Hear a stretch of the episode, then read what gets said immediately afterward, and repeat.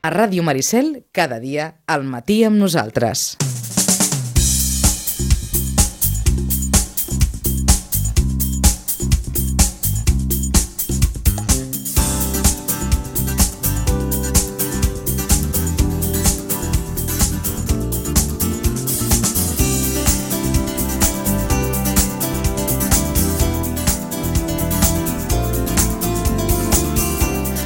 10 i 39 minuts del matí, una mica de prèvia esportiva per saber, doncs, això, la competició per aquest cap de setmana, tot i que ens permetran que comencem amb una bona notícia que ens ve del món de la natació, perquè el nedador del Club Natació Sitges, el jove nedador del Club Natació Sitges, Luca Hoek, formarà part de la selecció catalana Levi que participarà en el Campionat d'Espanya de Seleccions Autonòmiques que tindrà lloc a Màlaga, coincidint justament el cap de setmana de Carnaval, del 25 al 27 de febrer.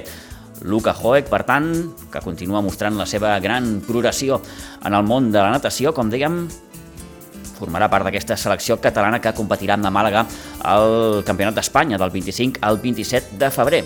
A veure si la setmana que ve en podem parlar amb l'Emilio Huete, que és la persona responsable de la secció de natació del Club Natació Sitges. Vam començar per aquí, per aquesta bona notícia del món de la natació i hem de començar ja a desgranar aquest cap de setmana esportiu i començarem, com sempre, sabent eh, a on i contra qui juguen els equips de la Blanca Subur. És per això que tenim ja al telèfon a l'Isidre Gómez. Isidre, molt bon dia. Hola, molt bon dia. Bé, hem de començar, com sempre, parlant de la juvenil A, d'aquesta preferent de juvenils, que en la seva 18a jornada torna a portar partit de la Blanca aquest eh, cap de setmana amb el Nou Pinsbens. Pues sí, juguem contra el Segre Atlètic, eh, com sempre els diumenges a les 4 i mitja, i aquest és un equipet que se'ns presenta com el setè classificat amb 24 punts. Ens en porta uns quants. Nosaltres som els deserts i un equip de la part alta. I amb un mal record, perquè mm, a la primera volta, ho estava mirant l'altre dia, l'Atlètic Segre li va fer 6-0 a la Blanca. Sí, el començament d'un tennis. Això mateix, d'això ja fa però unes quantes setmanes, uns quants mesos, però com dèiem, l'Atlètic Segre, un dels bons equips classificats d'aquesta preferent de juvenils, diumenge a dos quarts de cinc aquí al Nou Pinsbens. Pel que fa a la segona divisió, també de juvenils, el juvenil B, que juga demà dissabte, crec que ho fa al camp de la Granada, Isidre. Sí senyor, en teoria és el QE i aquests partits a vegades són compromesos, però en principi, si la lògica s'imposa, hauríem d'aconseguir la victòria i juguem demà dissabte a les 4 i mitja, tal com has dit. Mm -hmm. Pel que fa a la resta d'equips?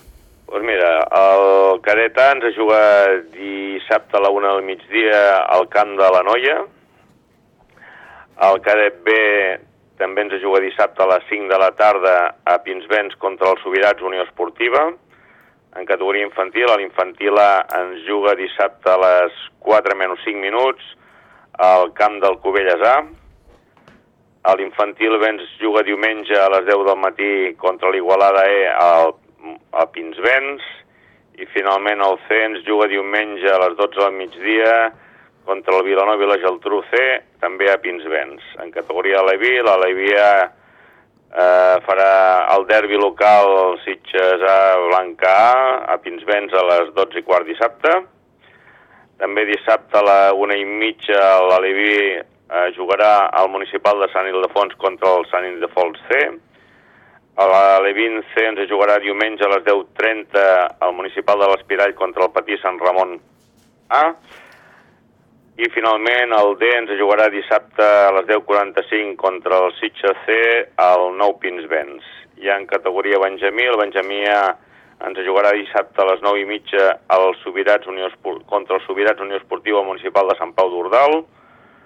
El Benjamí B ens jugarà dissabte a les 12 i quart a Nou Pinsbens contra la penya de la jove de les Roquetes B.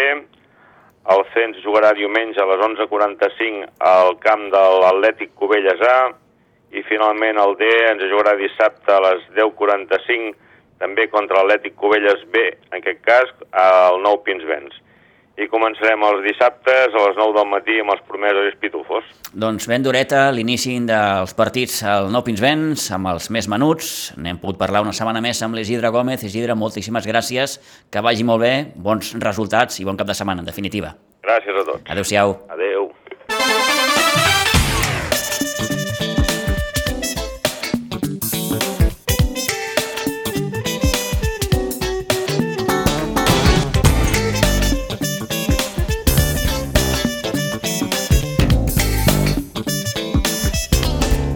Un minutet i arribarem al punt de 3 quarts d'onze del matí. Temps ara per fer prèvia de la jornada futbolística. Mm, partits prou interessants a la segona catalana, jornada número 17. D'entrada tenim per demà a la tarda un repeteixo, interessant, Moja Unió Esportiva Sitges a partir de les 5 de la tarda, Moja que ja fa setmanes que ho venim comentant, però que ha anat allò clàssic, de menys a més. Ara mateix el Moja, el conjunt de Manel Rodríguez, és vuitè a la classificació amb la suma 20 punts i el seu camp presenta un balanç de 3 victòries, un empat i 3 derrotes. Va costar superar el Moja la primera volta, ja que a Iguadols el resultat va ser de Sitges 4, Moja 3 però eh, tenim el Toni al telèfon, Toni Muñoz, bon dia, bona hora. No el tenim s'ha penjat. El tornem a trucar i solucionat. Eh, bé, amb el Toni també hem de comentar altres resultats, per exemple, de partits pendents. Un que es va jugar eh, abans d'ahir i que enfrontava l'Olivella i el Cubelles, amb victòria final del conjunt de Rafa Porres per 4-2. Una molt bona victòria per aquest Olivella que com a mínim dona un petit salt, deixa el penúltim lloc de la classificació i ara mateix és tercer per la cua. Toni, bon dia. Bon dia, bon dia, Pitu. Eh, bé, volia començar per aquí, per aquest resultat del partit d'abans d'ahir entre l'Olivella i el Cubelles. Eh, una Olivella que, bé, va obtenir una molt bona victòria. Sí, sí, magnífica victòria, eh? Ten en compte que al minut eh, doncs 65 guanyava 4-0, eh? eh? Doncs eh, això ho diu tot. Un partit en el que la primera part, doncs amb dos gols d'Oriol Oriol Gutiérrez doncs eh, s'anava al descans amb un 2 a 0 i que en 10 minuts del 55 al 65 tant el Lluís Navarro com el Marc Navarro feien el 3 i el 4 a 0 i doncs tot feia pensar que, que, seria una victòria molt holgada eh, del, de l'Olivella, no? El que passa que doncs reaccionava el Cubelles i Francesc Medina i Sey feien el 4-1 i 4-2 i al final acabava amb el 4-2. Jo penso que és una magnífica victòria perquè a més a més el Olivella rep aquesta setmana a l'Atlètic Prat Delta eh, en un partit que si l'Olivella és capaç de guanyar, que jo penso que aquí està la clau, si guanya eh, es col·locarà ja doncs, a, amb punts ja molt a prop d'equips com el Sant Andreu de la Barca, com el Moja, doncs eh, donaria un salt elevat a la classificació. Eh? Eh, diem, Toni, que l'Olivella és la cara, i no sé si dir que el Cubelles la creu, no? perquè el Cubelles ara mateix eh, té 18 punts, eh, està en aquella zona de, de, de mira més cap a baix que cap a dalt. Sí, i que si eh, un Cubelles que descansa aquesta setmana, Sí, que si senyor. l'Olivella és capaç de Mm. guanyar a l'Atlètic Prat Delta, lo superarà fins i tot, perquè sumaria 18 punts i superaria el Cubelles, no? Eh, un Cubelles que no passa per el millor moment, té molt lesionats, eh, no se recuperen bé, i doncs el fet d'aquests partits que tenia ajornat perdre tots dos, eh, le fa molt de mal, no? I, I en canvi el que sí que jo veig que, i de fet ho deia més d'una vegada, que el que li estava faltant eh, era una mica de sort eh, al Olivella, eh, l'Olivella doncs s'està recuperant força bé, té un molt bon equip, jo penso que és un equip que si tot va així a la segona volta eh, pot eh, aconseguir l'objectiu que és eh, salvar la categoria. I, i, i jo diria que fins i tot si continua així no patirà tant eh, i en canvi el Cubelles té que millorar molt perquè si no sí que acabarà patint. Mm, Ara parlarem del partit dels Sitges de demà amb el camp del Moja, però fixa't, Toni, quin partit, també aquest cap de setmana, aquesta 17a jornada, ens porta un Marianao Sant Mauro, és a dir, tercer contra segon classificat. Clar, per això la importància dels Sitges de guanyar el Camp del Moja, perquè en aquest enfrontament algun dels dos perdrà punts, o, o tots dos, perquè si acaben empatant, tots dos perdrien punts, i si el Sitges fa els deures i és capaç de guanyar el Camp del Moja, donaria un pas important. Però per això té que guanyar el Camp del Moja, i clar, eh, sabem que no és un camp fàcil, és un camp complicat, perquè doncs, en una jornada la que tornem a repetir, no? Eh, tant el Sant Mauro com el Mariano Pobret poden perdre punts, o potser tots dos, perquè si empaten tots dos perden punts. Uh -huh. eh, partit demà de, de retrobaments, eh, perquè com saben eh, l'Uri Sorroche mm, s'hi va passar les dues últimes temporades i Manel Rodríguez, mm, no cal que els diem que, que, que baixa, que és eh, buque insígnia de la Unió Esportiva Sitges, per tant, partit especial tant per uns com per als altres, Toni. Sí, ja va ser especial la primera volta aquí de fet, eh, va posar molta dificultat al Moja als Sitges. Acabar, va acabar guanyant bé els Sitges, però eh, doncs va tenir que treballar força bé. I el mateix passarà a, a Moja, no? Eh, sí que el Manel Rodríguez ha entrenat molt d'aquests jugadors que està a la Unió Esportiva Sitges. Eh, ara n'hi ha uns quants nous que potser no els eh, ha conegut tant, però sí la Luri, no? I, i, i el mateix l'ha passat la Luri amb el Moja, no? Eh, doncs que n'hi ha jugadors que els coneixen molt bé, però n'hi ha jugadors que que per ella són nous, no? tot i que té referència d'ella de tota la comarca. No? Serà un partit molt interessant. Jo crec que aquí és una gran oportunitat pel Sitges, si mirem amb els colors sitgetans, eh, per sumar tres punts i d'alguna manera millorar molts els números degut a la jornada, degut a enfrontaments que n'hi ha, no? però per això té que guanyar. En canvi, el Moja, home, el Moja és conscient que sumant 3 punts, eh, sumaria 23 punts, ja donaria un pas important en la seva opció de, de mirar de salvar la categoria o almenys acabar el campionat tranquil al mig de la classificació o aspirar a alguna cosa més, eh, una miqueta més a dalt, però doncs el, tots dos juguen molt i a més a més és un partit, un partit que es coneixen els dos equips molt i que serà un partit complicat per un i per l'altre. Sens dubte, clar que sí. Eh, un Moja que, que sembla que a poc a poc va trobar en el seu espai aquesta temporada, en aquesta segona catalana, li va costar molt, de fet vam veure al principi de temporada un Moja en els darrers llocs de la classificació, però mm, les últimes jornades porta una molt bona trajectòria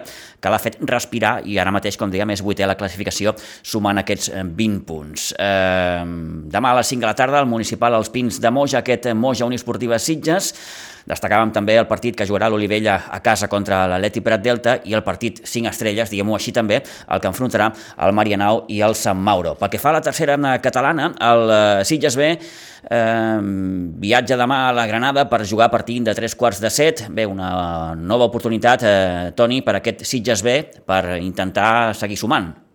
Sí, i de fet és un Sitges B que a Can Contrari juga bé juga bastant bé.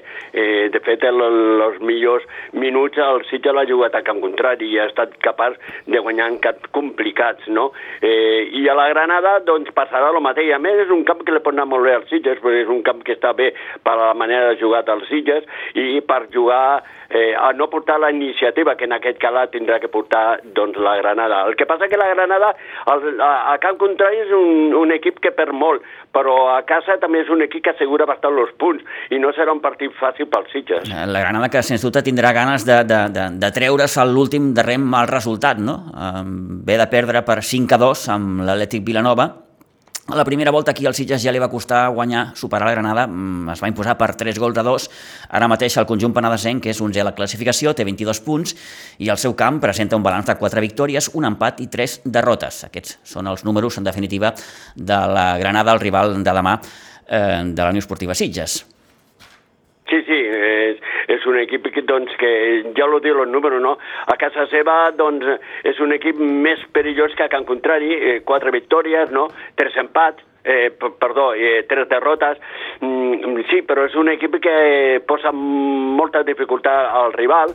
Eh, de fet, el Ribas eh, ha perdut el camp de la Granada, dir que és una referència, un Ribas que a camp contrari està jugant un gran partit, en canvi el camp de la Granada no va poder fer res i va perdre 2 a 0, no? Eh, per això t'he dit que no serà un partit fàcil pels Sitges, serà un partit complicat, però eh, doncs tenint en compte el referent dels Sitges, que a camp contrari està jugant bons minuts, eh, jo penso que doncs, el Sitges, si fa els deures bé, doncs pot eh, esgarrapar alguna cosa de la Granada, si pot ser els tres punts millor. El Sitges B que està doncs, en aquesta zona noble de la classificació, ara mateix eh, tercer, mm, sí que una mica més allunyat d'equips de, de, com el Ribas o la Penya Jove, però vaja, eh, Atlètic Vilanova, Vilanova del Camí, són, Toni, ara mateix aquests equips els que dominen la competició. Sí, correcte. Aquests eh, equips són els que dominen la, la classificació i, i bé, home, un Sitges que està allà a dalt que a principi de temporada ningú pensava perquè a més a més el projecte del Sitges no és el mateix, eh, vull dir que no és el mateix que els demés, els demés lluiten per eh, mirar de quedar el més alt possible si pot assolir la categoria, doncs eh, el projecte del Sitges no és pujar de categoria, és fer una bona feina per, eh, doncs, d'alguna manera treballar els jugadors que puguin passar a l'equip A, que de fet ja doncs, eh, està tenint referència, com el cas de Gianmarco, no? que és un jugador que ja ara ja compta més amb, amb el primer equip que no passa amb el Sitges B, eh, i jugadors que, que, que a poc a poc aniran pujant. No? Aquesta és la feina dels Sitges, el que passa que eh, la trajectòria del Sitges és prou bona, molt bona, perquè està allà del, del, dalt del tot i que no és el gran objectiu dels Sitges, però bé, tot el que sigui sumar és molt bo. I tant que sí. Demà a tres quarts de set, aquest, la Granada Uniesportiva Sitges B, del municipal de la Granada del Penedès. Eh, Toni, moltíssimes gràcies, bon cap de setmana, en parlem dilluns. Molt bé, Pitu, igualment. Adéu.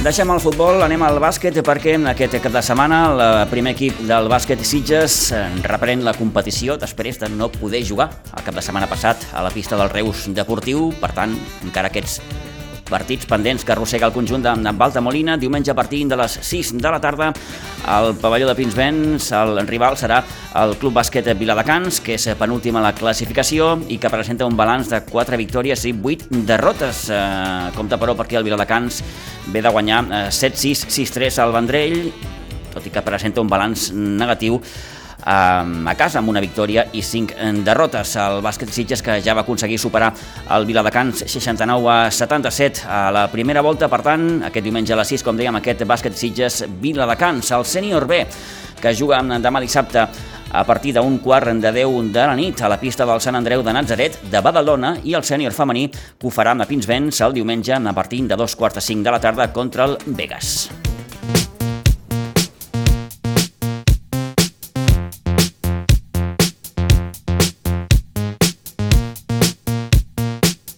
5 minuts i les 11 del matí, dilluns passat es va fer el sorteig de la segona fase de la divisió d'honor B d'en rugby. En el cas del Rugby Club Sitges en disputaran, recordem, una lligueta a una zona volta per lluitar i tractar de mantenir eh, la categoria, aquesta divisió d'honor B. Els rivals d'aquesta segona fase seran el Sant Roque, el Gòtics, el València, el Poble Nou, el Fènix, el Buc, l'Acra Bàrbara i el Barbarians de Calvià. És important recordar que valen els punts aconseguits a la primera fase. En el cas del Rugby Club Sitges, recordem que només va poder guanyar dos partits eh, contra el Poble Nou i el darrer, el que va jugar aquí a Santa Bàrbara contra el Gòtics. Eh, Hospitalet, Cau i Sant Cugat han passat a, a jugar al grup eh, d'èlit eh, per poder eh, jugar i disputar l'ascens a la divisió d'honor. Saludem Alejandro Villarreal, el president del Rugby Club Sitges. Alejandro Villarreal, bon dia, buenos días. Hola, buenos días, Pitu, ¿cómo estás? Bien, ¿y vos? Aquí, trabajando. Muy bien, a punto de, de, de, empezar, como decíamos, una segunda fase que, bueno, va a ser la, la decisiva. Exactamente, con, mucha, con, mucha, con muchas ganas y muchas expectativas para esta segunda fase. Mm, ¿Cómo lo ves tú personalmente? Bueno, ahora en lo que llevamos del, del 2022 estamos invictos. Eh, lo, la verdad que yo creo que el, el equipo, lo, los jugadores, eh, ahora realmente se han dado cuenta que, que pueden y, y, yo la verdad, bueno, desde el, desde el primer partido que yo les tengo fe eh, y estoy seguro que van a van a dar la talla y van a dar va varias sorpresas en los partidos que vienen. Eh, como decíamos hace unos momentos, eh, se va a disputar esta segunda liguilla a una sola vuelta, Mm, contabilizan los puntos de, conseguidos en, en, en, la primera. Y bueno, eh, equipos ya que, conocemos, ¿no? San Roque, Gòtics, Valencia, Poblenou, Fénix, Buc, eh, Acra Bárbara y, y, Calviá. Exactamente, son los equipos que, han quedado con la parte de abajo con nosotros. Eh, y bueno, nos, nos devuelve la localía vienen a jugar a casa el Fénix, que va a ser un partido eh, que nos vamos a querer sacar esa espina, que fue el, el único partido que perdimos por, mu por mucho. Sí. Eh, viene el Acra, viene, perdón, viene eh, Mallorca, Calvia, que están ahí abajo peleando con nosotros.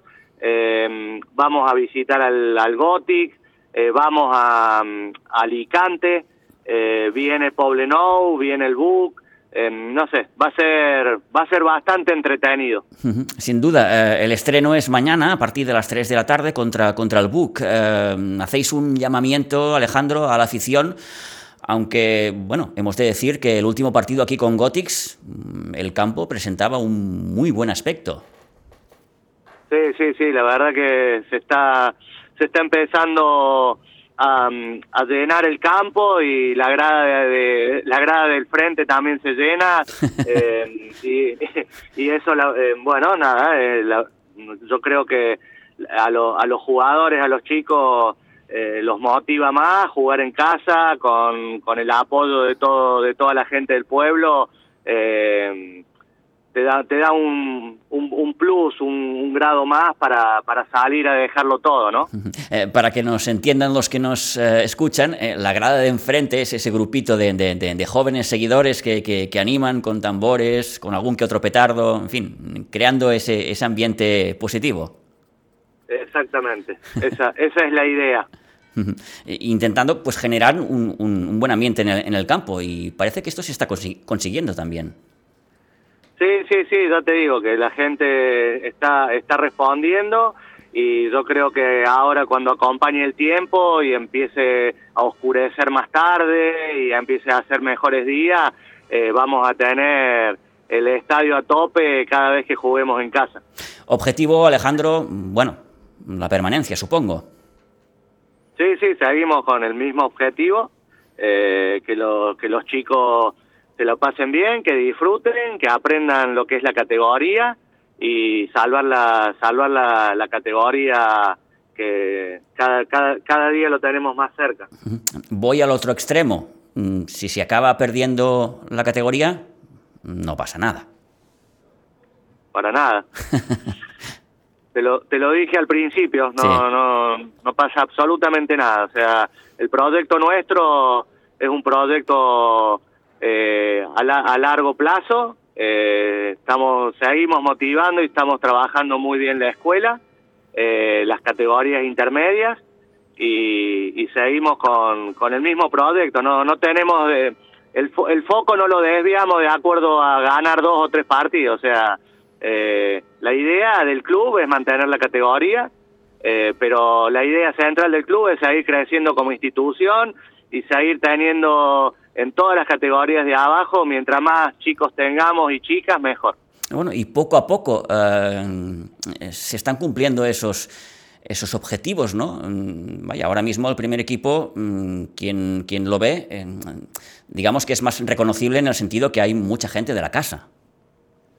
Sí, sí, sí, sí, no, tenemos el plantel, eh, han llegado alguna, algunos chicos de afuera, pero ya te digo, no sé si hay, no me acuerdo ahora, si hay 72, 73 fichas, que también es un récord, eh, y el, te, me animo a decirte que el 86, 87% es toda gente de la casa. Uh -huh.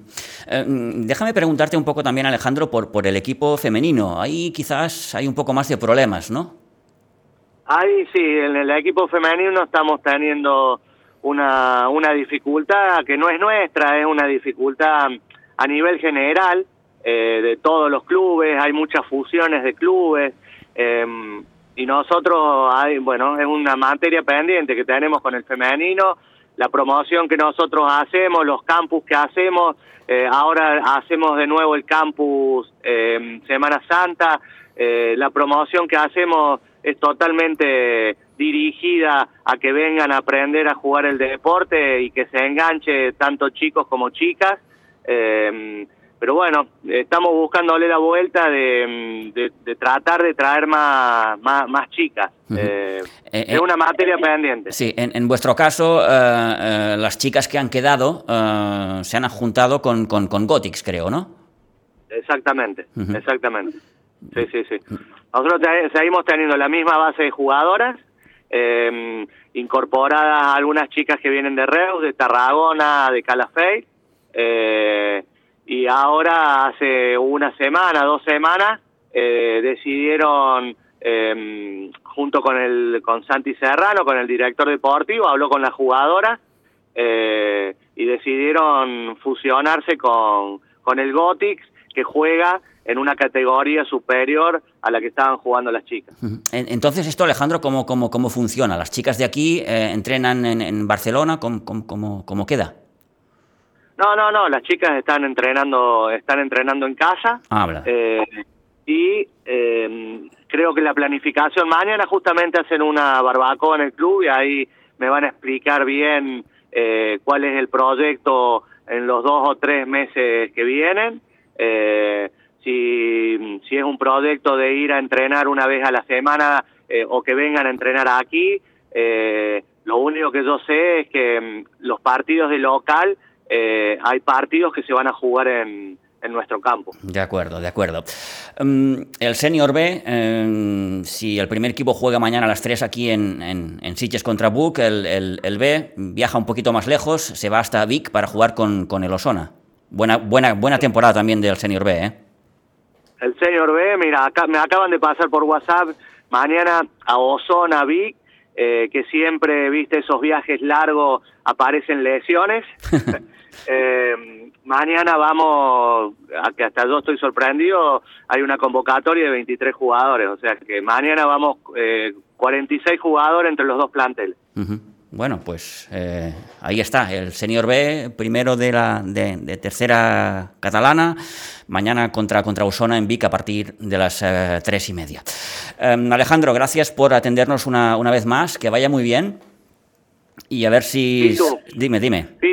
Pitu, muchísimas gracias por todo lo que hace y por toda la difusión que le das al, a nuestro deporte eh, y espero espero que vengas al club mañana o uno de estos partidos. Sí, sí, hombre, te digo que estuve el día de Gotix. Ah, pero no me saludaste. no nos vimos, no nos vimos. bueno, Alejandro, vale. pues muchas gracias, ¿eh? un abrazo. Un abrazo grande, hasta luego. Hasta luego.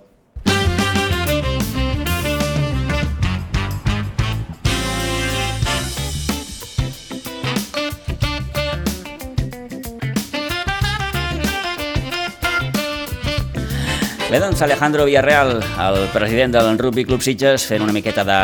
vaja, d'actualitat del club, ara que el primer equip, sobretot, com dèiem, inicia aquesta segona fase de la temporada, la més decisiva, la que haurà de permetre o no mm, seguir un any més en aquesta eh, divisió d'honor mm, B.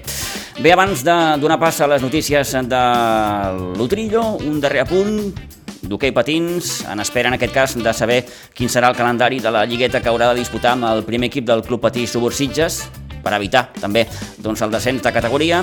Recordar que el prebenjamí juga al camp de la pista del Capellada, s'ho farà demà dissabte a partir de les 10 del matí, que el Benjamí juga aquí a Pinsbens, rebent el Ripollet demà dissabte a dos quarts de 4 de la tarda i finalment l'Alevi també juga aquí a Pinsbens contra el Cadí, el Club Hoquei Cadí, demà dissabte a partir de 3 quarts de 5. Ara sí, 11 i 7 minuts del matí, fins aquí els esports, ara mateix, els deixem amb les notícies de l'Utrillo i després, i després, els seriòfils.